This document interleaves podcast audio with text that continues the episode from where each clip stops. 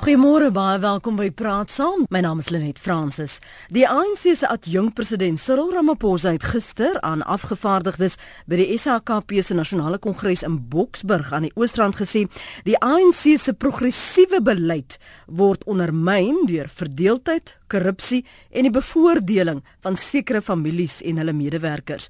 Hy het weer eens 'n beroep gedoen dat 'n geregtelike kommissie van ondersoek na staatskaping onmiddellik ingestel moet word.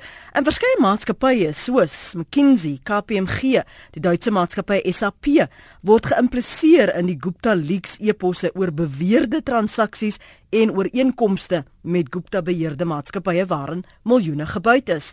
So vanoggend kyk ons na staatskaping met die spesifieke fokus op die inkoop van besighede in die privaat sektor om dit te vergemaklik. Ons gaste vanoggend is Theo Venter, politieke ontleder verbonde aan Noordwes Universiteit se besigheidskool. Môre Theo, welkom. Goeiemôre. En ons gesels ook met Deon Rousseau. Hy was stigterspresident van die Besigheidsetiek Netwerk van Afrika en hy tans uitvoerende hoof van die Etiek Instituut. Goeiemôre Deon, welkom. Goeiemôre net. Theo, kom ons begin eers by die agtergrond, die, die tentakels van die Gupta invloed en die betrokkeheid veral van ehm um, sekere besighede wat in hierdie Gupta leaks genoem word. Die geloofwaardige besighede moet mense dalk ook byvoeg en strukture sou net kon slaag as jy daardie besighede sou intrek. Veral as ons hoor van sekere spook uh, maatskappye en die vlakke van inkoop en en die stigting van sekere maatskappye om hierdie transaksies te fasiliteer. Tio? Is Tio daar? Tio is jy daar? Nee, eh uh, Dion is jy daar? Ja, ek is hier so. OK, ons het vir Tio intussen verloor. Miskien moet ek maar vir jou dan die geleentheid gee om te reageer dat dit net kon werk as jy geloofwaardige besighede ingetrek het en betrek het. Ja, wel as mens kyk na die hele netwerk uh, van staat en dan lyk dit asof daar twee soort maatskappye daarbey betrokke is. Uh aan die een kant het jy ehm um, wat jy nou noem gerespekteerde maatskappye en ek dink met reg kan ons hulle verwys ehm um, as sodanig. En dan is daar natuurlik ook 'n klomp maatskappye wat geskep word as as fronte uh ten einde sekere transaksies weg te steek. So al die soort maatskappye sien 'n mens in hierdie hele netwerk wat nou van van korrupsie wat nou uh, oopgevlek word. En ek dink die die groot vraag waarna ons moet kyk is uh, hoe kan 'n maatskappy seker maak ehm um, dat hulle nie ehm um, geïmpliseer word deur hierdie soort van van besigheid nie want dit is baie duidelik dat dit baie sleg is vir die maatskappye. Ek kyk nou maar ehm um, gisteraand net hierso hier uh, wat het met van hierdie maatskappye gebeur en hulle aandelepryse wat daarmee gebeur het uh nadat dit bekend geword het dat hulle betrokke is hierby en duidelik word die maatskappye baie hard uh gestraf. Nou ehm um, as 'n mens gaan kyk na hoe 'n maatskappy behoort op te tree, uh dan dink ek is dit is dit altyd baie belangrik dat voordat jy by enige transaksie van watter aard ook al of van watter land ook al betrokke raak, dat jy 'n uh, baie goeie omsigtigheidsondersoek moet doen oor nie net wat is die finansiële voordele uh, wat so 'n transaksie vir jou kan inhou nie, maar ook om spesifiek te gaan kyk na wat is die etiese risiko's wat daaraan sit. Want as jy in in daardie etiese strikke sou trap, uh, dan is dit baie duidelik dat jy nie net jou reputasie uh erg daaronder gaan lê nie, maar dat die mark jou ook gaan straf en dat 'n uh, klomp van die mense wat van tevore met jou besigheid gedoen het, nou baie meer versigtig gaan wees om in die toekoms met jou geassosieer te word. So in die opsig ehm um, is dit is dit baie belangrik om nie net te kyk vinnig na die finansiële voordele nie, maar ook te kyk ehm um, na wat is ander moontlike implikasies van my betrokkeheid uh by sulke uh, tipe transaksies. En ek dink dit is 'n baie gesonde beginsel en ek dink 'n hele paar van hierdie maatskappye wat nou aan die ontvangkant is van negatiewe publisiteit sal met my saamstem dat dit 'n baie goeie beginsel is om altyd te werk met die aanname dat my transaksie uh die tipe besigheid waarby ek betrokke is, gaan op een of ander stadium uh publieke kennis word en dan moet ek nog steeds gemaklik wees mm -hmm. om te sê ja, ek doen met hierdie maatskappy besigheid. Theo, jy's intussen terug by ons? Ek is. Dankie. Ehm um, miskien net dan agtergrond vir vir ons luisteraars. Ek het uh, begin deur te verwys na uh, van hierdie maatskappye wat geïmpliseer word. Dion het nou net vir ons ook gesê die benadering wat enige maatskappy uh, wat besigheid doen met enige persoon of uh, oorsee plaaslik, die vraag wat jy jouself moet afvra, ons kan nader gesels oor um, die geloofwaardigheid wat in die slag gebly het um, na aanleiding van die gerugte en beweringe en name wat genoem word. Uh, net om vir jou terug te vat en geleentheid te gee om te reageer. Die die omvang van die betrokkenheid van sekere maatskappye en ook die invloed van die Guptas. Um het dit verras dit jou?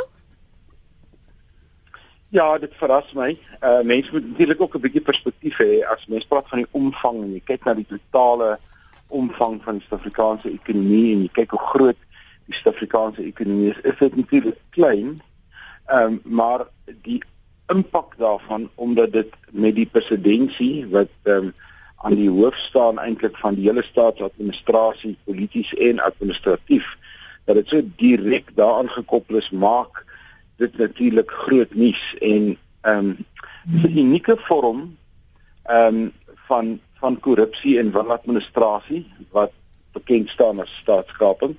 As 'n mens kyk hoe die term gebruik word wêreldwyd dan is dit iets wat in Oos-Europa die eerste keer omskryf is deur die Wêreldbank sê so amper 20 jaar gelede.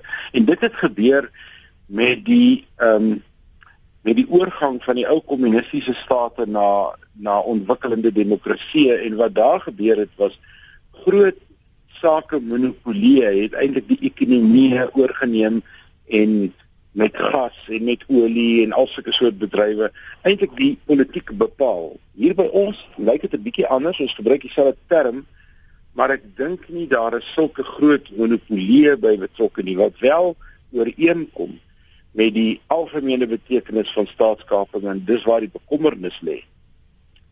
Dit sal dit hoofsaaklik in staatsondernemings plaasvind en staatsondernemings se verwantskappe met private ondernemings en dat die um, staatsondernemings geweldige groot waarborge dra van die regering van die dag en dit natuurlik die regering weer in 'n baie kwesbare posisie stel.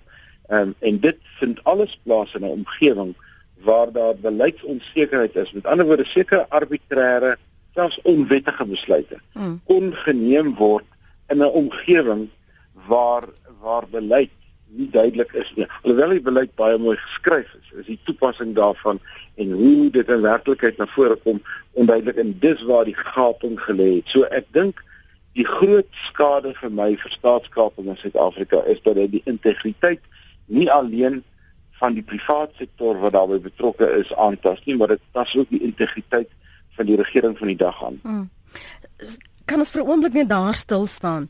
Die feit dat daar toegang en en en gekry is tot tot die semi-staatsinstellings waarvan jy nou gepraat het, ook staatsdepartemente waar daar juis met 'n mate van vertroulikheid moet wees. Um die verwantskap met um ander maatskappye in die private sektor met wie hulle sake doen, ouditeursmaatskappye uh, maatskappye spesifiek wat jy as die publiek aanvaar daar is 'n mate van oorsig. Daardie vertrouensbreek, praat 'n bietjie daaroor asseblief. Ja, dit is dit is 'n baie belangrike gedeelte en dis wat waar ek met met integriteit bedoel het. Ehm um, as ons kyk na twee of drie ander hmm. groot sulke vergelykbare situasies, byvoorbeeld in die FSA was daar die groot Enron skandaal en as mens na die Enron skandaal kyk, dan is daar beslis ook die maatskappye wat die audit moes doen. Audit in die vorm wat ons dit vandag ken in die ekonomie en daarom is eintlik 'n soort van 'n kontrole en 'n bevestiging dat die besluite wat jy geneem het geldige wettige besluite is dat hoe jy die besluite geneem het en hoe dit tot uitvoer gebring het um, voldoen aan sekere wetvereistes en statutêre voorspelle ag van uh vereistes en dies meer en dit raak dan 'n um, uh, 'n groot dilemma. Soos wat ons nou gesien het met die Guptas en KPMG en die individu wat daarbey betrokke was en dan later eintlik een van die eerste direkte slagoffers geword het van die nie uitvoering van van hulle pligte en ek dink ons moet nie ehm um, uh, vergeet nie dat selfs die belastinggaarder wat ja. op stadium SARS mm. wat 'n wat 'n geweldige hoë integriteit en aanvaarbaarheidsvlak in Suid-Afrika gehad het, het ook slagoffer geword van die proses want dit lyk asof hulle in sekere gevalle oogluikend sekere dinge toegelaat het en dis waar die arbitreëre aard van die toepassing van beleid inkom wat Suid-Afrika op die oomblik bitter nodig het en dit is dit sluit aan by jou inleidende gedeelte van een van die presidentskandidaate is 'n teruggryp na kom ons doen wat reg is, kom ons doen wat eties is en kom ons doen die regte ding. Maar ek dink dis 'n baie lank pad wat voor lê. Hmm. Dion, die integriteit van van die soort ooreenkomste en dat daar veral in staatsdepartemente en veral in uh, maatskappye wat 'n oorsigrol moet speel dat die integriteit van daardie prosesse en en ehm um, die verantwoordelikheid ehm um, nie nagekom is nie. Praat 'n bietjie daaroor. Ja, as gewone burgers ehm um, het ons natuurlik nie die die vermoë om in elke transaksie te kan gaan inkyk nie en moet ons daarom staat maak op sekere instellings soos byvoorbeeld auditmaatskappye maar ook sekere oorsig instellings ehm um, in artikel 9 instellings in ons grondwet om dit namens ons te doen en ek dink wat wat baie ehm um, moeilik is op hierdie stadium is wanneer jy vertroue begin verloor in die instellings wat jou juis vertroue behoort te gee. Hmm. Met ander woorde, as jy nie meer 'n auditmaatskappy kan vertrou nie, want 'n auditmaatskappy is veronderstel om vir my en jou die versekering te gee dat dit wat ons lees in die finansiële state of in die verslagdoening van 'n maatskappy is inderdaad betroubare inligting. Nou die oomblik as jy nie meer daarop kan staat maak nie, ehm um, dan is ons almal in moeilikheid want op op hoe manier kan ons nou vertrou dit wat ons lees ja. en ek dink dieselfde ding gebeur met 'n klomp instellings die word nou verwys onder andere na die Suid-Afrikaanse inkomste diens maar ons kan 'n hele klomp ander instellings daarbey voeg. Ons kan die nasionale vervolgingsgesag daarbey voeg. Uh, ons lyk my amper kan begin om die openbare beskermer ten minste die nuwe een daarbey te voeg. Ons kan die die volke daarbey voeg. Ehm um, met ander woorde instellings wat veronderstel is om die samelewing te beskerm en vir ons 'n versekering te gee dat daar goeie toesig gehou word oor beide die uh, publieke en die private sektor. As ons vertroue in daai stellings en daai instellings ondermyn word, dan is ons regtig waar op 'n baie slegte plek. En daarom dink ek is een van die belangrikste dinge wat moet gebeur en daar stem ek heeltemal met jou saam is dat ons vertroue in hierdie instellings herstel moet word. En daarom is ek baie dankbaar dat dat Urban die die regulatoriese raad oor auditeurs sonder dat 'n klag gelê is alreeds besluit het om KPMG te ondersoek en te sê was daar fout op daai stadium het hulle foute begaan. Ehm um, ek dink uh, ons is op hierdie stadium in 'n posisie waar ons nou sit met die sogenaamde Gupta leaks wat vir ons 'n massa inligting gee. Ehm um, uiteraard 2, 3 jaar gelede het ons met baie minder inligting gesit en ek dink KPMG het ook met baie minder inligting uh, gesit.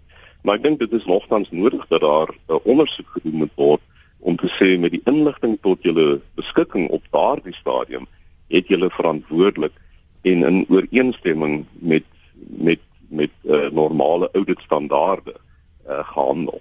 Hmm. Kom ons kan ek kan ek ja? wat hy gesê het. Kyk, hmm. um, 100% stem ek saam en die ondersoek moet gedoen word maar die dilemma wat ons nou het en dit dit gaan oor integriteit en vertroue is dat die uh, vorige openbare beskermer het met 'n met 'n baie slim voorstel gekom dat die president ondersoek moet word maar dat die president eintlik op 'n afstand 'n kommissie uh, moet aanwys by wyse van die gebruik van die hoofregter wat dan eintlik namens hom optree omdat hy direk betrokke is. Maar nou het die president in die parlement nou die dag gesê hy gaan nou 'n kommissie van ondersoek aanstel. En uh, hier ontstaan die vraag nou weer. 'n kommissie van ondersoek na homself ja waarby hy self geïmpliseer word so ek voel met 'n stok aan dat hier 'n uh, 'n konflik van belange is en ek dink daaroor moet ons op kyk Dit was my vreemd dat ons ehm um, ek dink was gister van die openbare beskermer uh, wat daarna verwys het dat ehm uh, sy dink nie dis gepas dat die president self 'n kommissie aanstel uh, wat hom moet ondersoek. Jy het ook nou na, daarna verwys. Dit was vir my vreemd dat sy dit nou eers besef het. Hoe lank weet ons dit al nie? Ja, wat sy gedoen het in die laaste paar dae, dis 'n dis 'n dis 'n omeswaai. Ons het selfs 'n sterker woord in Afrikaans om dit uit te druk. Ja, ja. En het het ons almal het ons almal 'n bietjie aan die raai. En dit was duidelik dat sy op 'n manier 'n uh, 'n 'n sagter uh, houding gaan inneem teenoor die uitvoerende gesag as wat haar voorganger ingeneem het. En en ons spekuleer nou maar, is dit omdat sy nou vir die eerste keer oordentlike regsadvies gekry het? Um, want sy sy, sy word vir baie goeie regsgeleerdes bygestaan en dat sy besef het dat hierdie probleem gaan nie polities opgelos word nie. Hierdie probleem moet opgelos word in terme van die instrumente waaroor die staat beskik en dis hoofsaaklik regsinstrumente, die howe en die die die die die rol wat die reg in Suid-Afrika speel is amper die van skeieregter. Ehm um, tussen verskillende belange of dit nou um, die staat versus die staat is en of die staat versus die individu is of wat, wat ook al. Dis die enigste instrument wat ons het om hierdie ding op te los en dit um, ons ons raai 'n bietjie daaroor want ons ons weet nie maar sy het die die, die klanke en die en die en die uitsprake wat sy gemaak het oor die laaste 2 of 3 dae lyk asof daar 'n kentering in haar benadering gekom het. Ek hoop dis 'n permanente kentering en dat dit nie 'n tydelike soort van taktiese beweging is om bietjie die aandag af te lei en dan later weer terug te beweeg op haar ou weë nie want ek stem met Leon saam. Ek het baie min vertroue in die nuwe openbare beskermer. Uh, Pieter skryf hier op ons webblad rsg.co.za Morlenet, hoekom weet die regering nooit van gebeure om hulle of maak of hulle nie geweet het nie? Om oop en bloot korrupsie te ignoreer of nie geweet het nie bereken eenvoudig almal beteken seker nê eenvoudig almal is saam in die komplot. ANC strategie ontwikkel om die skuld weg of dood te praat. Daar is is nie is nie is nie en hulle is arrogant om te dink die publiek is toe daarvoor tyd vir 'n nuwe regering. Dit bekommer my dat weinig van Denel se transaksies uitkom. Minister Lynn Brown is met 'n breë glimlag en blink oë trots op hoe Denel reggerig is, reggeruk is, ekskuus, maar voorsieners en krediteure is 3 maande laas betaal. Van die maatskappye het nie geld om hulle werknemers te betaal nie. Uh SPC weer, dit lyk of hier 'n groot poging tot opvoeding aan die gang is. Dit moes al op skoolvlak begin het. En dan wat 'n uh, paar van die luisteraars wat verwys na uh, die korrupsie en ek haal aan almal praat van die korrupsie en die goed wat daarmee gepaard gaan maar jy hoor nie dat daar pogings is om enige persoon betrokke is 'n nodige dokument dokumentasie in te trek om hulle te verhoed om die land uit te vlug nie. Hier is 'n rot in die nes as mens na alles luister skryf Christo van Springs. Dalk 'n vinnige mhm. paar gedagtes van jou kant Dion voordat ons na die twee Johanne op die lyn gaan. Ehm um, ja, as ek net kyk na wie van die opmerkings wat nou wat nou uh, pas gemaak is. Ehm um, waar die een waar Pieter gevra het maar weet die regering dan nie wat aangaan nie natuurlik weet hulle wat aangaan. Ehm um, bedoel jou inleiding vanoggend het weer eens baie duidelik gemaak dat die regering van die dag baie goed weet wat aangaan maar daar is uiteraard 'n gebrek aan politieke wil om daarteen op te tree omdat daar soveel mense tans in posisies van mag sit wat nadelig geraak gaan word daardeur. Hmm. Dis ook interessant die verwysing na Denel en ek stem heeltemal met jou uh, luisteraar saam dat die Denel storie moet nog vertel word. Um, ons begin die die die oortjies van die seekoei te sien maar daardie direksie wat so vinnig oor nag verwyder is en deur 'n nuwe direksie vervang is uh drie senior amptenare wat oor nag uh geskort is uh daai storie moet nog uitkom en ek hoop dat die Gupta leaks ons ons nader daaraan gaan bring. Die eerste paar berigte het al verskyn. En en dan stem ek ook heeltemal saam dat uh as dit gaan oor opvoeding, uh is dit geweldig belangrik op hierdie stadium dat mense en veral jong mense nie die idee moet kry dat korrupsie die normale manier van doen is nie. Ehm um, en dit gaan opvoeding verg om dit reg te stel. En opvoeding bedoel ek nie 'n paar lesentjies oor etiek erns en lewensoriëntering nie maar ehm um, 'n baie groter benadering wat fokus op op uh, aktiewe burgerskap en aktiewe verantwoordelikheid uh onder ons jong mense om te verstaan dat ons kan net 'n veilige en 'n voorspoedige en 'n vooruitstrewende samelewing hê as ons dit bou op 'n etiese basis.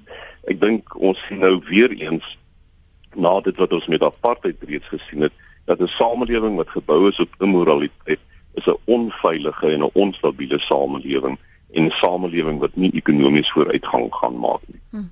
Kom ons hoor gou wat sê Johan nommer 1 uh, aan die we, we, aan die Weskaap. Môre Johan? Ja, môre Lenet en jou geleerde vriende daar.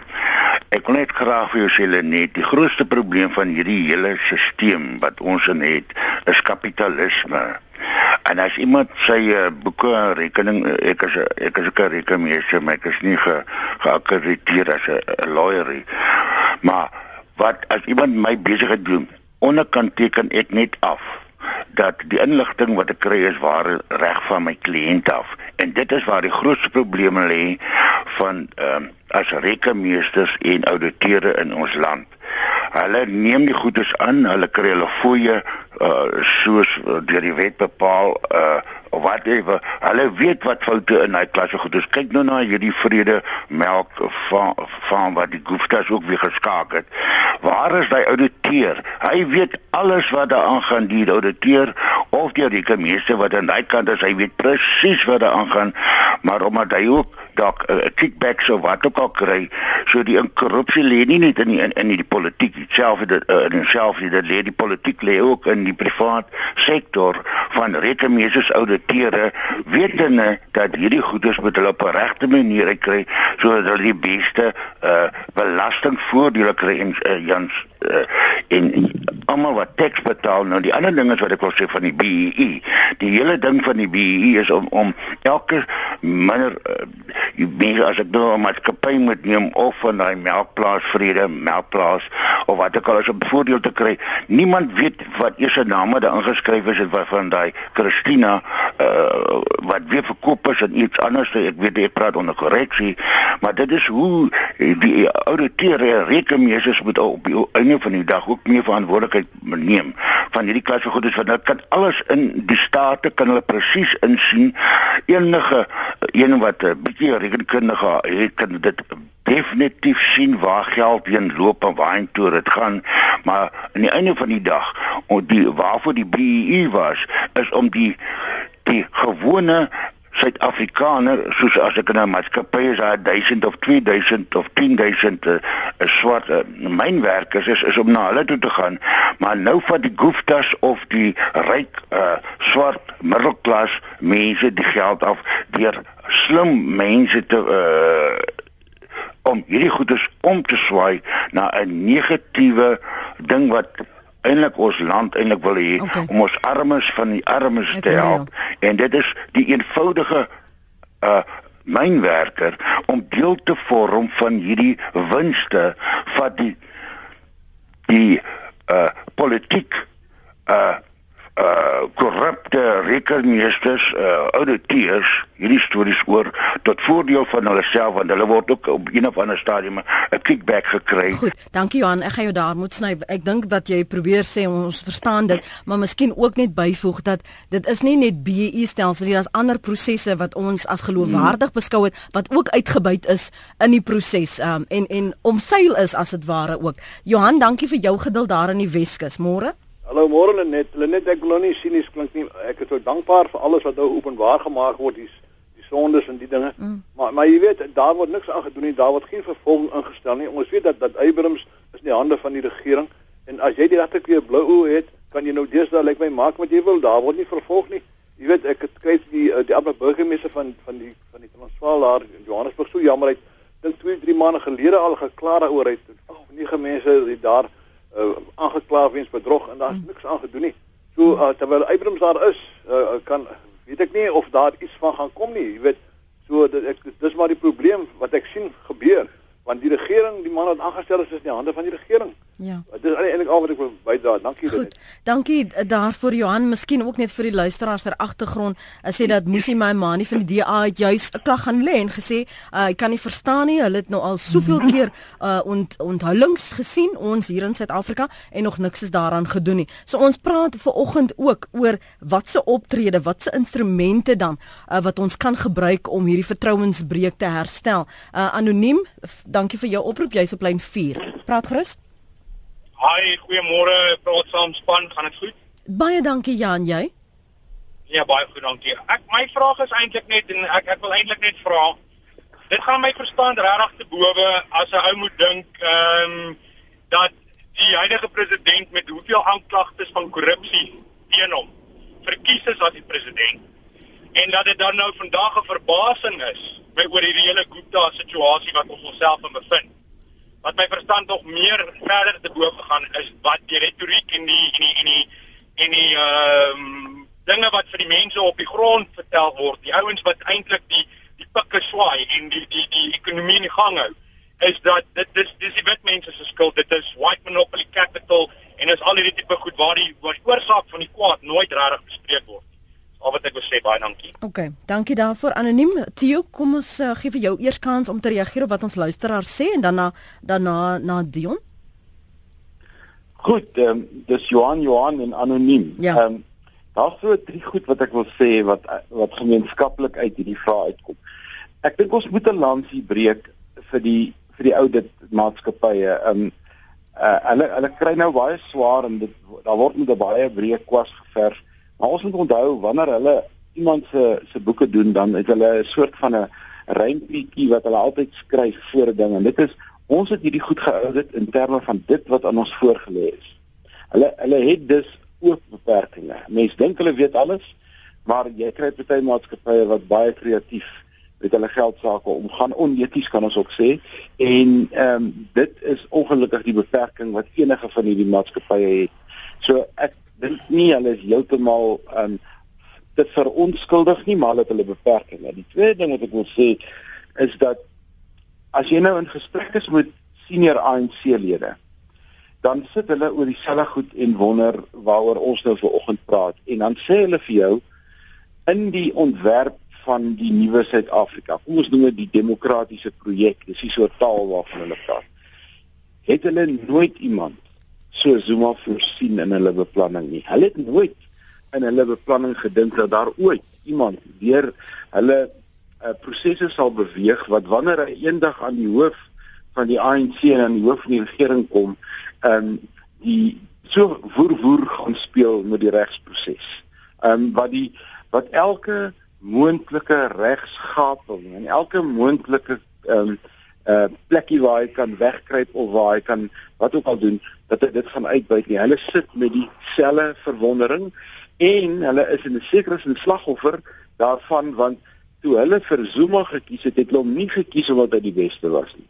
Hulle het hom gekies omdat hy op daardie stadium 'n alternatief was vir Thabo Mbeki wat hulle almal kwaad gemaak het. So ons sit in 'n baie komplekse omgewing ook vir die regerende party aanbetref in terme van besluite wat hulle geneem het en waarmee hulle nou self opgeskep sit en nie weet wat om te doen nie. Die derde punt wat ek wil maak wat baie belangrik is, is dat 'n akademikus so na van Roger Southall uh wat afgetrede um, politieke kenner aan Wits was, het 'n baie baie insiggewende artikel geskryf 'n jaar of 4 gelede en hy het dit in 'n boek herhaal dat toe die ANC in 94 oorgeneem het, was die eerste beplanning om van hulle seniorlede deel te maak van swart ekonomiese bemagtiging, maar daai swart ekonomiese bemagtiging het stadig geloop en dit het um, te min mense bevoordeel volgens hulle smaak en toe besef hulle dat die beste plek waar ons onsself kan verryk en kom ons noem dit nou maar by die naam verryk hmm. is deur die staatsondernemings en dit doen ons nie om die wette te verander nie ons doen dit nie om die reëls te verander nie ons doen dit deur die mense te verander ons stel nou ek dink Dion het net nou na na ehm um, Kruiskor en Denel verwys ons stel nou 'n ander direksie aan en die direksie word aangestel met spesifieke opdragte. Dit is die wese van die Zuma presidentskap. Jy vat mense in poste en jy sit ander mense daar en jy verander nie die wette nie. Jy verander die mense en die operateur wat binne in daardie masjien of stelsel sit. Hy gebruik dit dan tot jou voordeel. En dit is 'n dis 'n sistemiese probleem. Wat beteken staatskaping gaan nie verander as Zuma môre of oormôre bedank nie ons gaan die ding sistemies moet aanpak. Dit word amper 'n nasionale projek. Hmm. Ek wil vir 'n oomblik net stil staan Dion by hierdie vertrouensbreuk want ons sal onthou met uh, toe verlede jaar ehm um, wat uh, Pravin Gordhan die voormalige minister van finansies uh, SA Inc besighede wat op hierdie veld toe gegaan het om vertroue in Suid-Afrika as uh, beleggings uh, moontlikhede te herstel. Ons het gesien hoe uh, die ekonomie uh, die rand positief gereageer het en selfs ons verbruikers vertroue en na dit met die uh, aanstelling van Malusi Gigaba en die onthullings oor hom en sy moontlike betrokkeheid. Is ons na en ons afgraderings uh, daarna, as ons nou hier op 'n pad om vertroue te herstel. Maar as 'n vertrouensbreek nie net tussen die publiek en hierdie staatsinstellings nie. Daar's 'n vertrouensbreuk ook in die privaat sektor en die regering wat jy hoop sou kon saamwerk. So hoe herstel ons dit? Molisi Ugaba gaan nou vandag vir ons aanduidings gee oor hoe ons nou ons ekonomiese beleid uh, um, gaan verbeter om vertroue te herstel. Maar is dit 'n bietjie te laat nie en is hy die regte man om dit te probeer doen? Ehm um, net ek dink jy is heeltemal reg sonder vertroue kan 'n mens geen organisasie uh bedryf nie. Jy kan nie 'n huisgesin sonder uh, vertroue bedryf nie. Dit is een van daai mees basiese boublokke. As dit nie daar is nie, dan val al die ander goed eenvoudig plat. En as 'n mens kyk hoe vertroue herstel moet word, dan dink ek is daar ehm uh, in navorsing vir ons 'n paar baie duidelike aanduidings van wat is nodig om vertroue te herstel, te herstel. Die eerste ding is daar moet openheid en eerlikheid wees. Solank ouens ons probeer mislei en belieg, uh, vertrou ons hulle eenvoudig nie. En daarom is dit belangrik as vertroue herstel moet word dat mense 'n streep moet trek en sê luister, kom ons erken dit is wat gebeur het en kom ons sit die feit op die tafel. Die tweede ding wat nodig is, wat nodig is, is dat daar bekwaamheid moet wees. As jy sit met mense wat onbekwaam is, het sê dit nou is in 'n staatsdepartement of of in 'n in 'n sogenaamde ehm um, staatsbeheerde entiteit of in 'n in 'n private besigheid as daar nie vertroue is in die bekwaamheid van mense nie dan vertrou ons hulle ook nie. Ehm um, en dan natuurlik moet daar integriteit wees.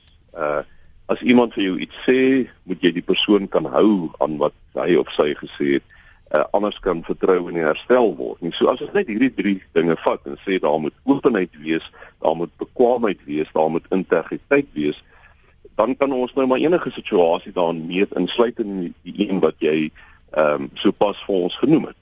Ehm um, want wat baie nodig is, dit sê die nasionale ontwikkelingsplan ook vir ons al reeds etlike jare gelede, is dat daar hierdie vertroue en samewerking moet wees ten einde ons ekonomie vorentoe te neem. En dit is juis waar ons tans 'n gebrek het. Ehm um, net om dalk 'n laaste opmerking te maak ook ehm um, reaksie op wat wat jy vroeër gesê het.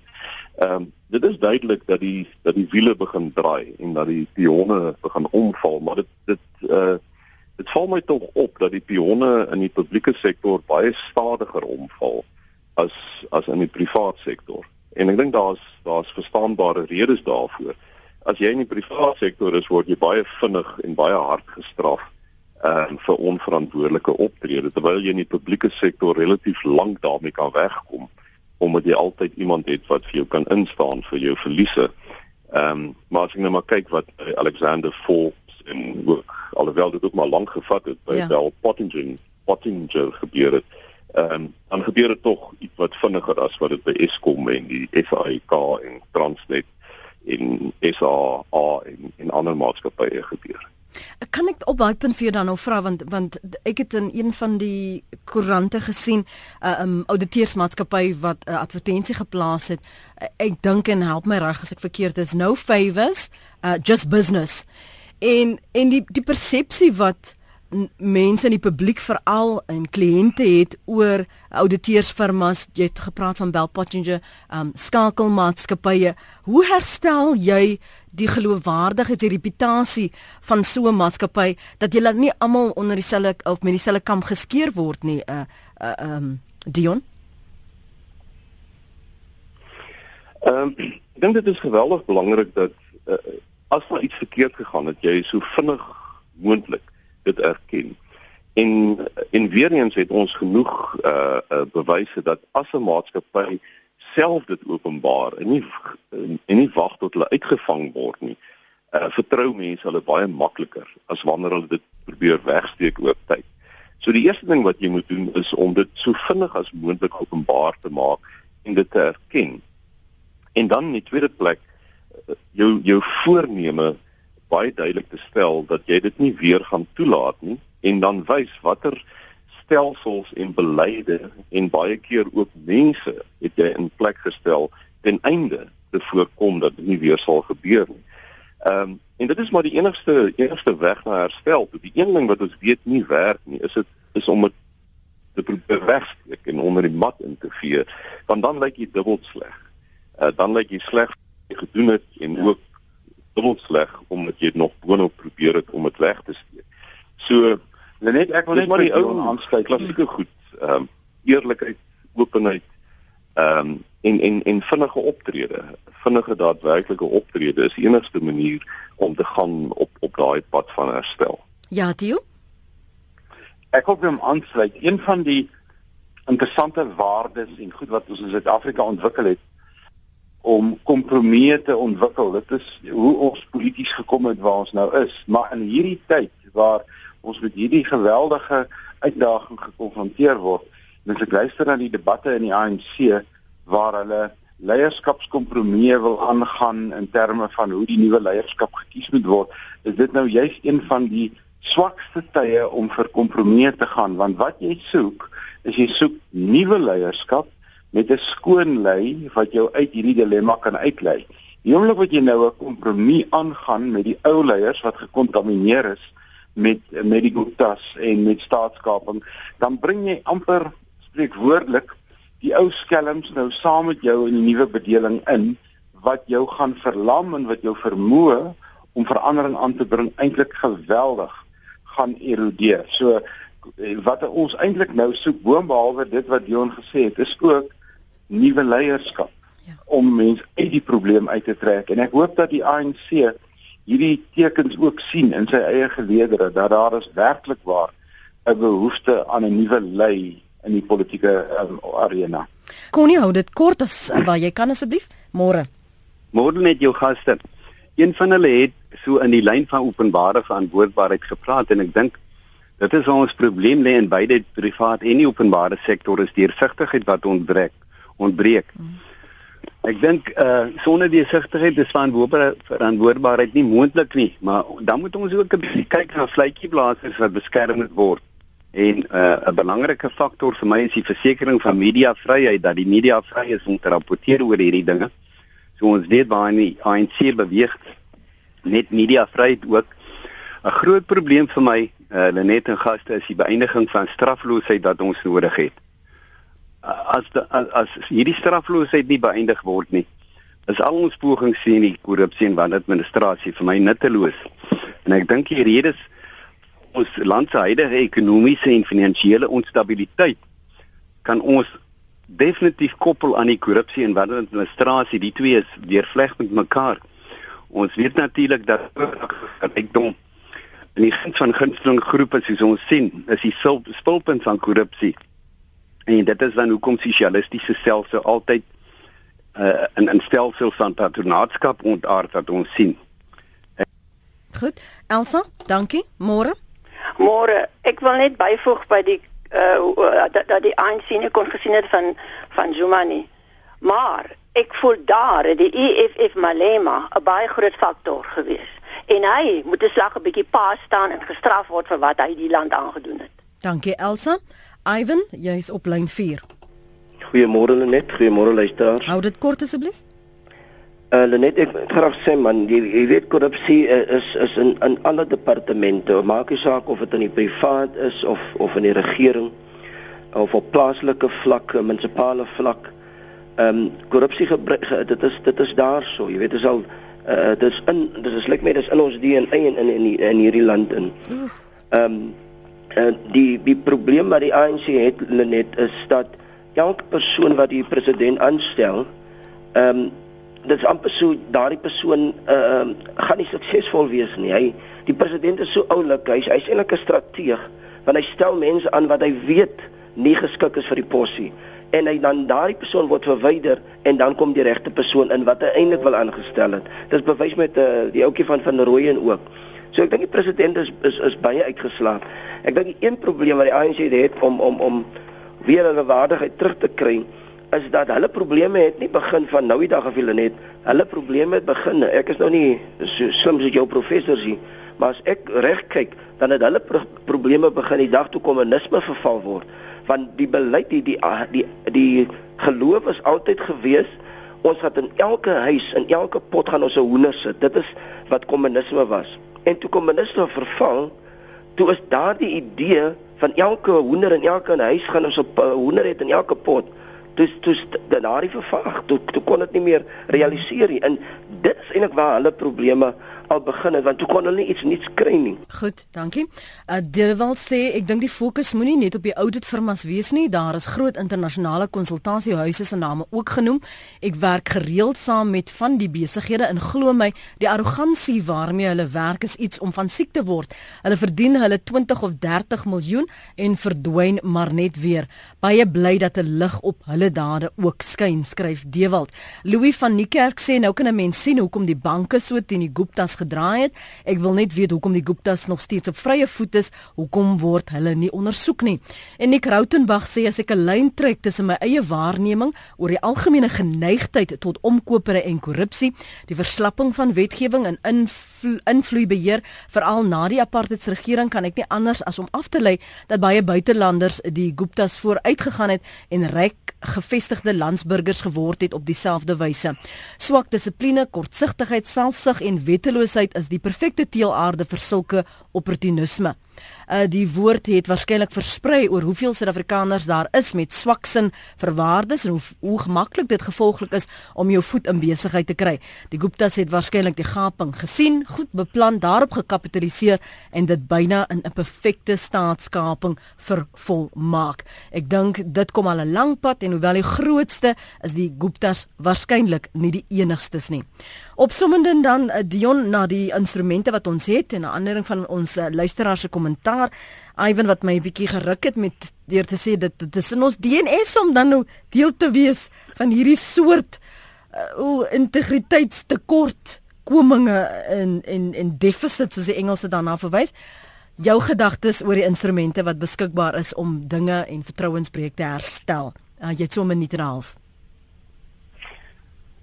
Ja, ehm um, ek ek dink ehm um, waar ons almal op hierdie stadium sit is met 'n gebrek aan vertroue in daai instrumente. Met ander woorde die formele instrumente wat daar gestel is uh, om toesig te hou uh dat ons vertroue in hulle op 'n op 'n laagtepunt is op hierdie stadium. En dit is juis waarom die rol van die media en die burgerlike samelewing op hierdie stadium so geweldig belangrik is en dat ons nie van moet terugdink om daai rol te speel tot tyd terwyl hierdie instellings weer hervorm is.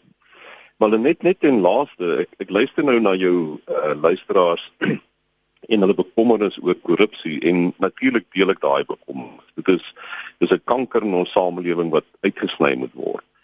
Maar ek dink dis belangrik om te besef ons gaan nie kry wat ons wil hê deur te fokus op wat ons nie wil hê nie. Met ander woorde, as ons begin kyk en ek dink daar's lig aan die kant die randjie besig om op te kom. Ehm um, as ons begin kyk na die era aan die kant die die uh Guptas en Zuma.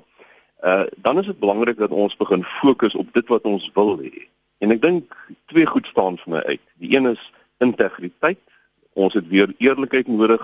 Ons het weer nodig uh dat ons instellings het wat ons kan vertrou en die ander een is bekwaamheid. Want ons moet onsself nie om die bos lei deur te dink dat as ons korrupsie kan hokslaan, gaan dinge onmiddellik regkom nie.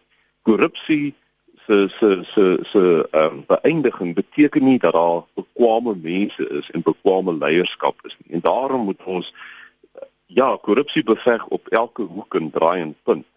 Maar ons moet ook begin vorentoe kyk en sê wat se waardes, wat se integriteit het ons nodig in ons maatskappye ehm um, beide in die publieke sektor en in die private sektor en verder moet ons begin seker maak dat ons bekwame leierskap mm. daar kry en mense met die bekwaamheid om te doen wat hulle moet doen. Theo, jy sou kyk op jou horlosie, ons is byna klaar te maak. 30 sekondes vir jou. Ja, ek wil aansluit by Dion.